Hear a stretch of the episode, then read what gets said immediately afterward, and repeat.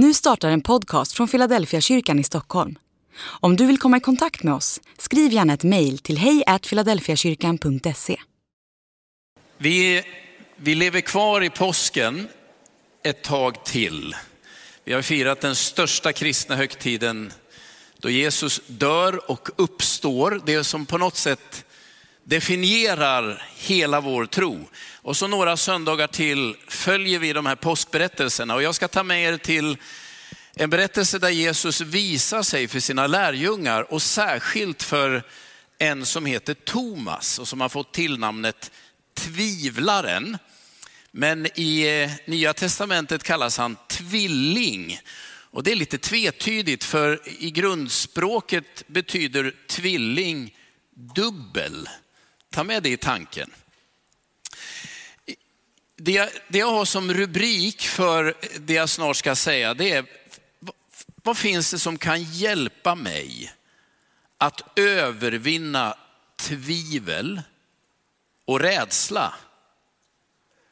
För det brottas vi alla med. Tvivel hemsöker oss, rädsla känner vi nog igen allihopa. Finns det någonting som kan tynga i den andra vågskålen så att jag inte liksom blir fången i min rädsla eller faller i mina tvivel. Det är det jag har med mig. Nu ska vi läsa den här fantastiska berättelsen från Johannes kapitel 20. Jag läser vers 19 till 29.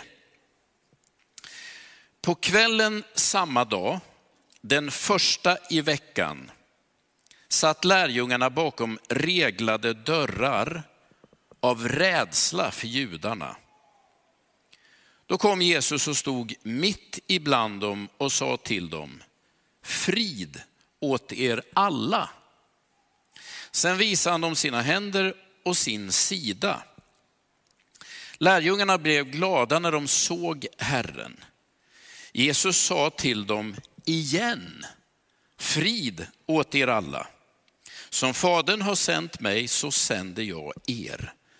Sen andades han på dem och sa, ta emot helig ande. Om ni förlåter någon hans synder så är de förlåtna och om ni binder någon i hans synder så är han bunden.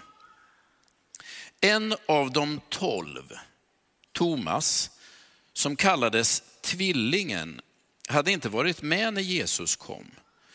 De andra lärjungarna sa nu till honom, vi har sett Herren. Men han sa, om jag inte får se spikhålen i hans händer och sticka fingret i spikhålen och sticka handen i hans sida, tror jag det inte. En vecka senare var lärjungarna samlade igen och Thomas var med. Då kom Jesus, trots att dörrarna var reglade, och stod mitt ibland dem och sa, frid åt er alla. Därefter sa han till Thomas, räck hit ditt finger, här är mina händer. Räck ut din hand och stick den i min sida. Tvivla inte, utan tro. Då svarade Thomas, min Herre och min Gud. Jesus sa till honom, du tror därför att du har sett mig. Saliga de som inte har sett, men ändå tror.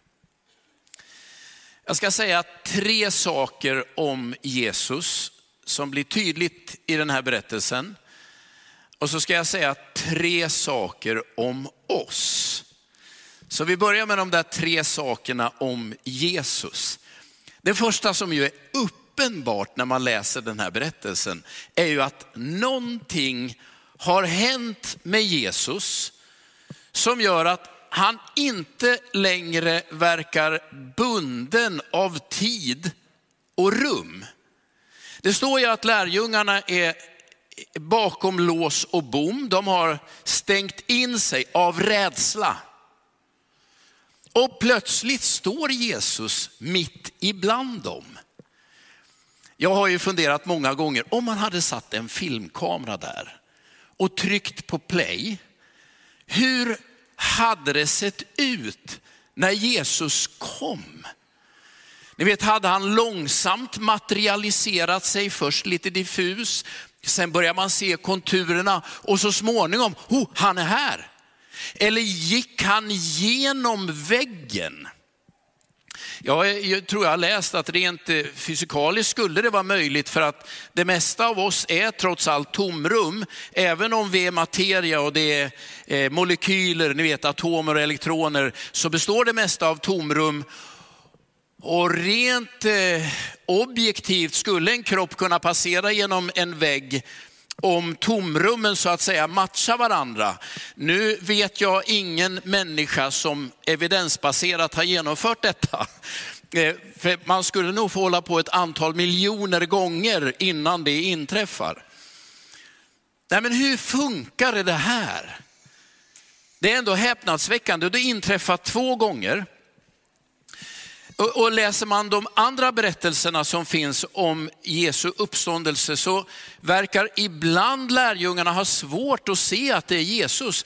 Han är fortfarande Jesus. Det är den där kroppen som vandrade tillsammans med lärjungarna i tre år eller hur lång tid det nu var. Den kropp som spikades upp på ett kors, som dog, som begravdes och som sen uppstod. Det är den kroppen. Men någonting är ju helt förändrat och förvandlat.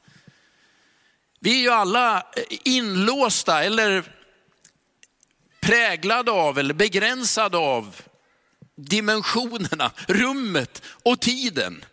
Men läser man berättelserna om Jesu uppståndelse så är det väldigt tydligt att både tid och rum inte längre begränsar Jesus. Det är det första jag inser. Han, han är inte längre låst av det som ju vi alla andra är låsta av. Det första. Han var död, har fått liv igen. Någonting mirakulöst har hänt. Men det är inte bara samma Jesus, han är, han är förvandlad. Det andra jag noterar när jag läser den här berättelsen, det är att han är uppstånden från de döda, men han har såren kvar. Här är hålen i mina händer, här är hålet i min sida, stick in handen.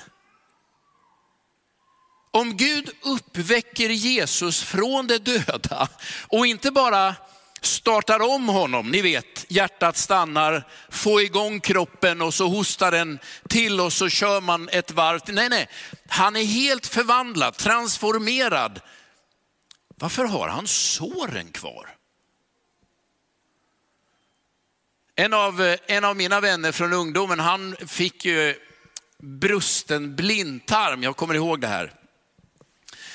Och han berättar att han då fick ligga med såret upp, öppet några dygn för att den här infektionen skulle hävas. Och han sa att det var det mest smärtsamma han har upplevt. Och det vet ju ni också när man gör sig illa och såret är öppet. Förutom att det är infektionskänsligt så gör det ju förtvivlat ont. Jesus kommer uppstånden från de döda, men med såren kvar.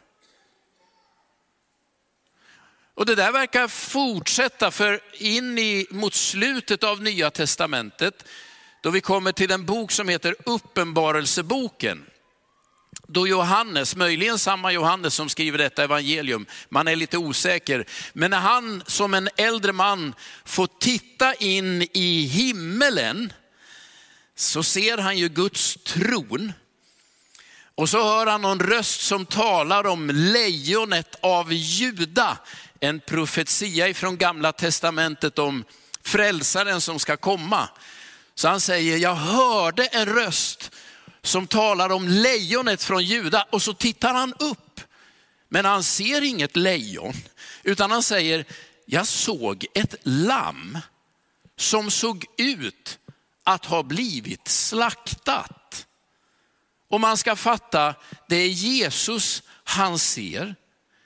Men även då, 30-40 år senare, så är det alldeles uppenbart att Johannes ser, han har såren kvar. Händerna, sidan, märkena på kroppen. Vad var det för sår han hade? Ja, men det var sår som, som människor har tillfrågat honom. Det var sår av förnedring, sår av smärta naturligtvis. Men det är skador som han har fått av ovarsamma människor, illasinnade människor, till och med onda människor. Pilatus som ju vet att Jesus är oskyldig, han som var romersk ståthållare, alltså den högsta, högsta politiska militära makten i, i regionen, som vet att Jesus är oskyldig, väljer ju ändå sådär krast som det ibland kan vara i politiken, att offra en landsortspredikant från Galileen. Pinar långsamt livet ur honom. Märkena Jesus bär är tillfogade honom av människor.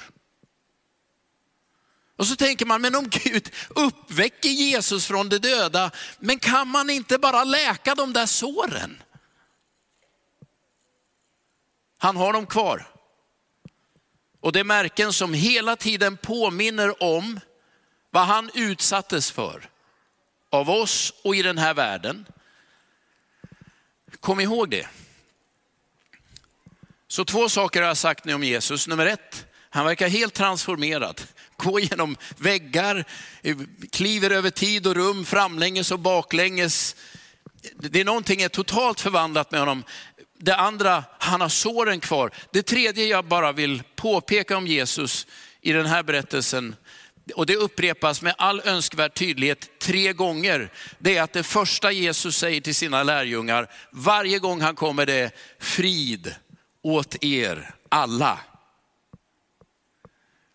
Han hälsar det. Men här sitter ju ett gäng lärjungar vettskrämda och så tänker man, har de, har de redan glömt vad Jesus sa? Eller de kanske aldrig ens fattade det. Tre år med Jesus, man tänker om man hade fått gå med honom, se honom göra under, man skulle ju kunna förflytta berg, men icke, sa Nicke. Nej, de stänger in sig livrädda. Har de tagit Jesus, de kommer komma efter oss. Ni vet, skräcken tar dem, känner ni igen det? Om jag hade varit Jesus, vilket alla ska veta att jag inte är, då hade jag haft en del annat jag hade velat säga. Har ni inte hört någonting? Har ni glömt alltihopa? Vilken kaliber är ni gjorda av? Och du Petrus, här sitter du din självgode knös. Du lovade att du aldrig skulle svika mig. Tre gånger förnekar du mig. Berätta nu för de andra. Hur tänkte du? Förklara dig. Eller hur?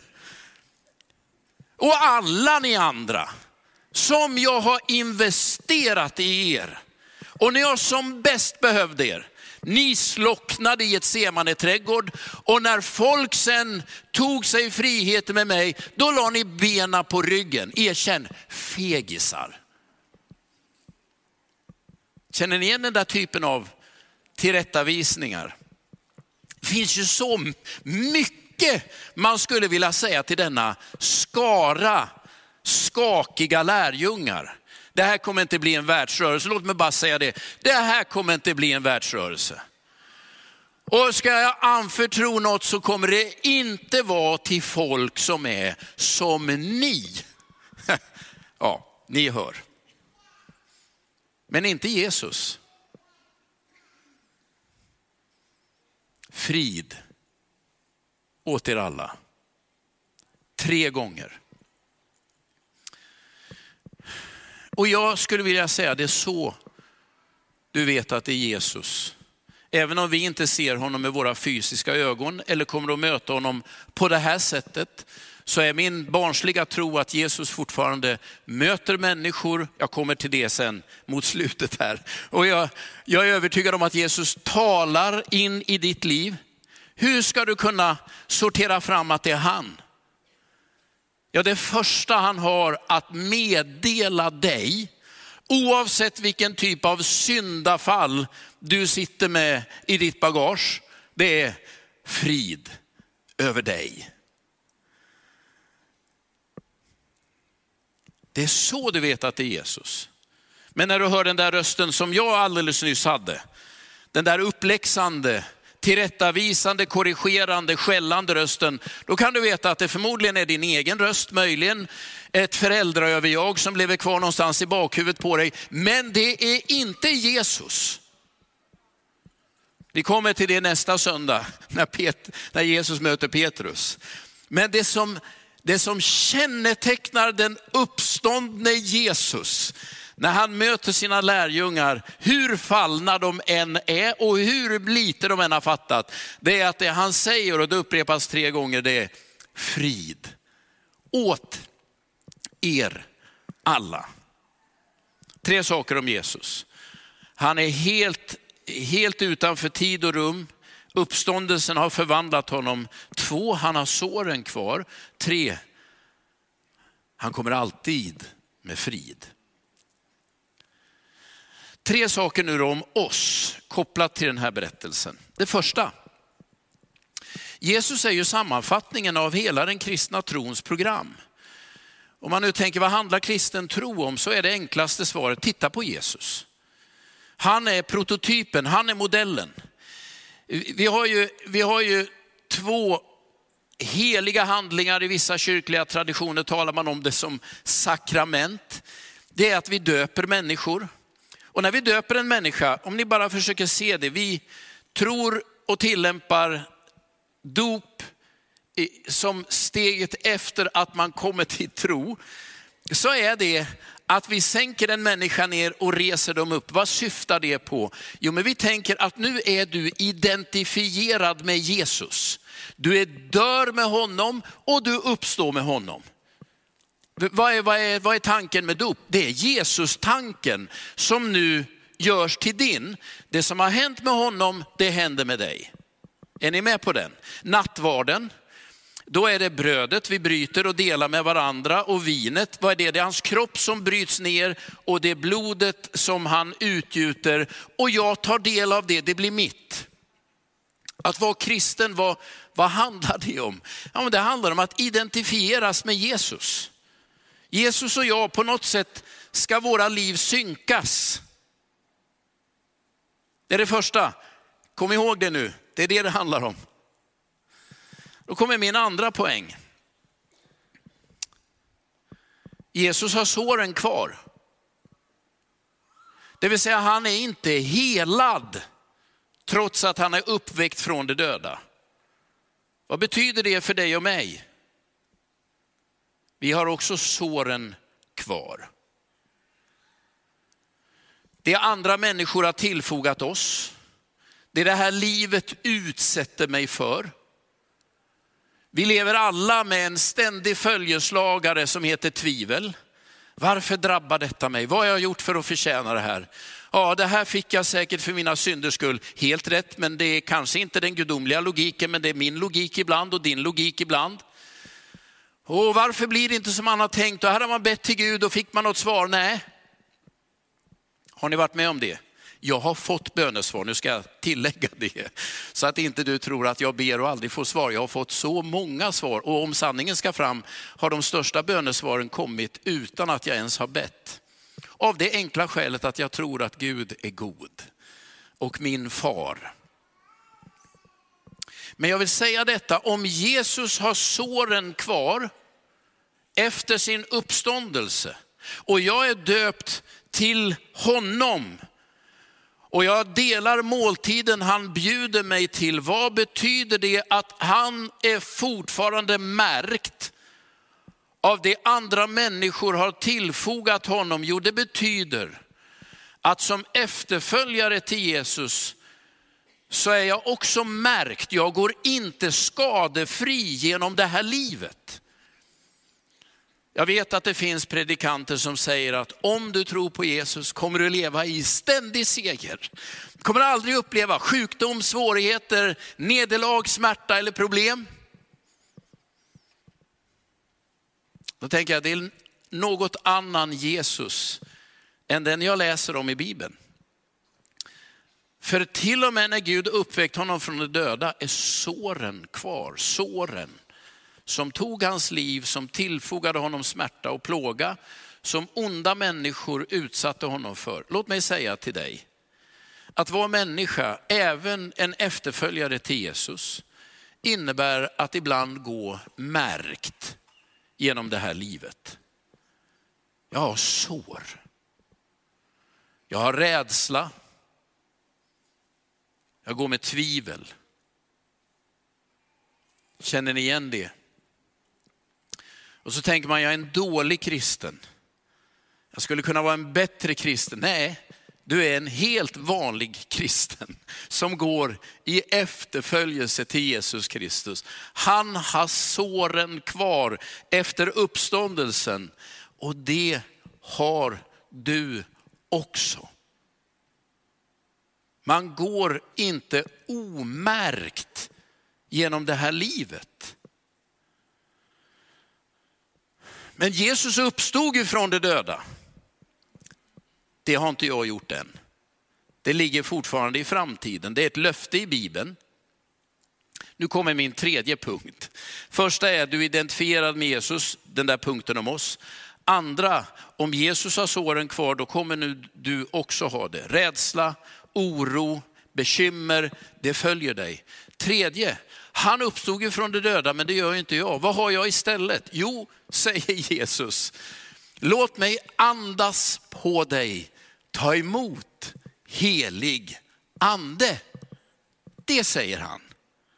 Det är svaret som Jesus ger. Om jag nu går genom det här livet märkt och ibland plågad och ibland sårad. Vad finns det då i den andra vågskålen? Om jag som lärjungarna ibland tänker, jag låser in mig och slänger nyckeln. Det här livet är hotfullt.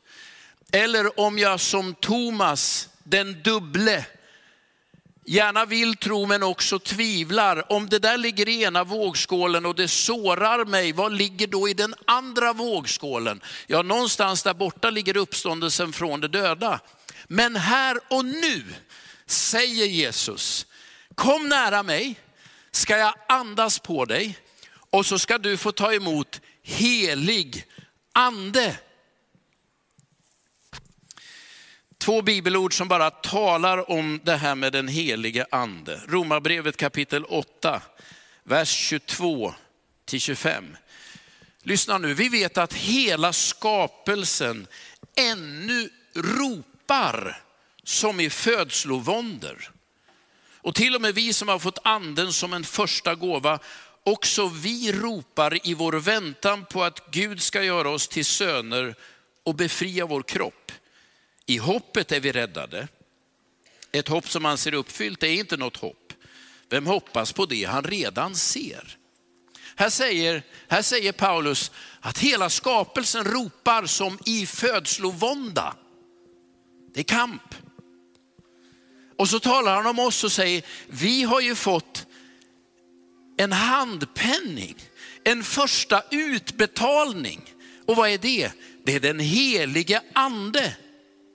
Om såren kommer ifrån det gamla livet så kommer anden från framtiden. Du har fått en första utbetalning. Det kommer mycket mer, men där är vi inte än. Eller Efesiebrevet kapitel 1. Vers 13 och 14. I honom har också ni sedan ni hört det sanna ordet, evangeliet om er frälsning. I honom har också ni sedan ni kommit till tro fått den utlovade heliga anden som ett sigill. Den är en borgen för vårt arv, att Guds folk ska bli friköpt och Gud får pris och ära. Han säger det igen, om och om igen, på flera ställen i Nya Testamentet kommer detta tillbaka. Alltså två saker ska du ha i huvudet samtidigt.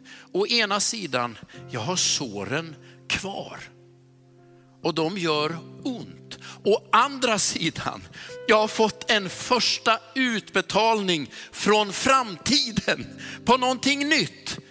Och vad är det? Ja men det är ju det jag ser i Jesus som ännu inte har hänt fullt ut med mig. Jag är fortfarande bunden, tid och rum låst av livets begränsningar. Men den helige ande som är Jesu personliga närvaro i bortskänkt form är den första gåvan jag har fått. Så i de här två vågskålarna, i den ena ligger ju rädslan. Det är det du ser i den här berättelserna. Lärjungarna låser in sig, jag är livrädd. Världen är en skrämmande plats. Här kan man råka illa ut, sant. Här dog Jesus, sant. Här kan ju vi också dö, sant. Men är det det sista och det enda som finns att säga? Nej, han uppstod från de döda. Döden ska aldrig ha sista ordet. Så var det med honom så ska det vara med mig. Hur vet jag det? Jag har fått en handpenning, en första utbetalning. Och det är den helige ande som inte är en hög med pengar, utan det är den tredje personen i gudomen som bor i mitt hjärta.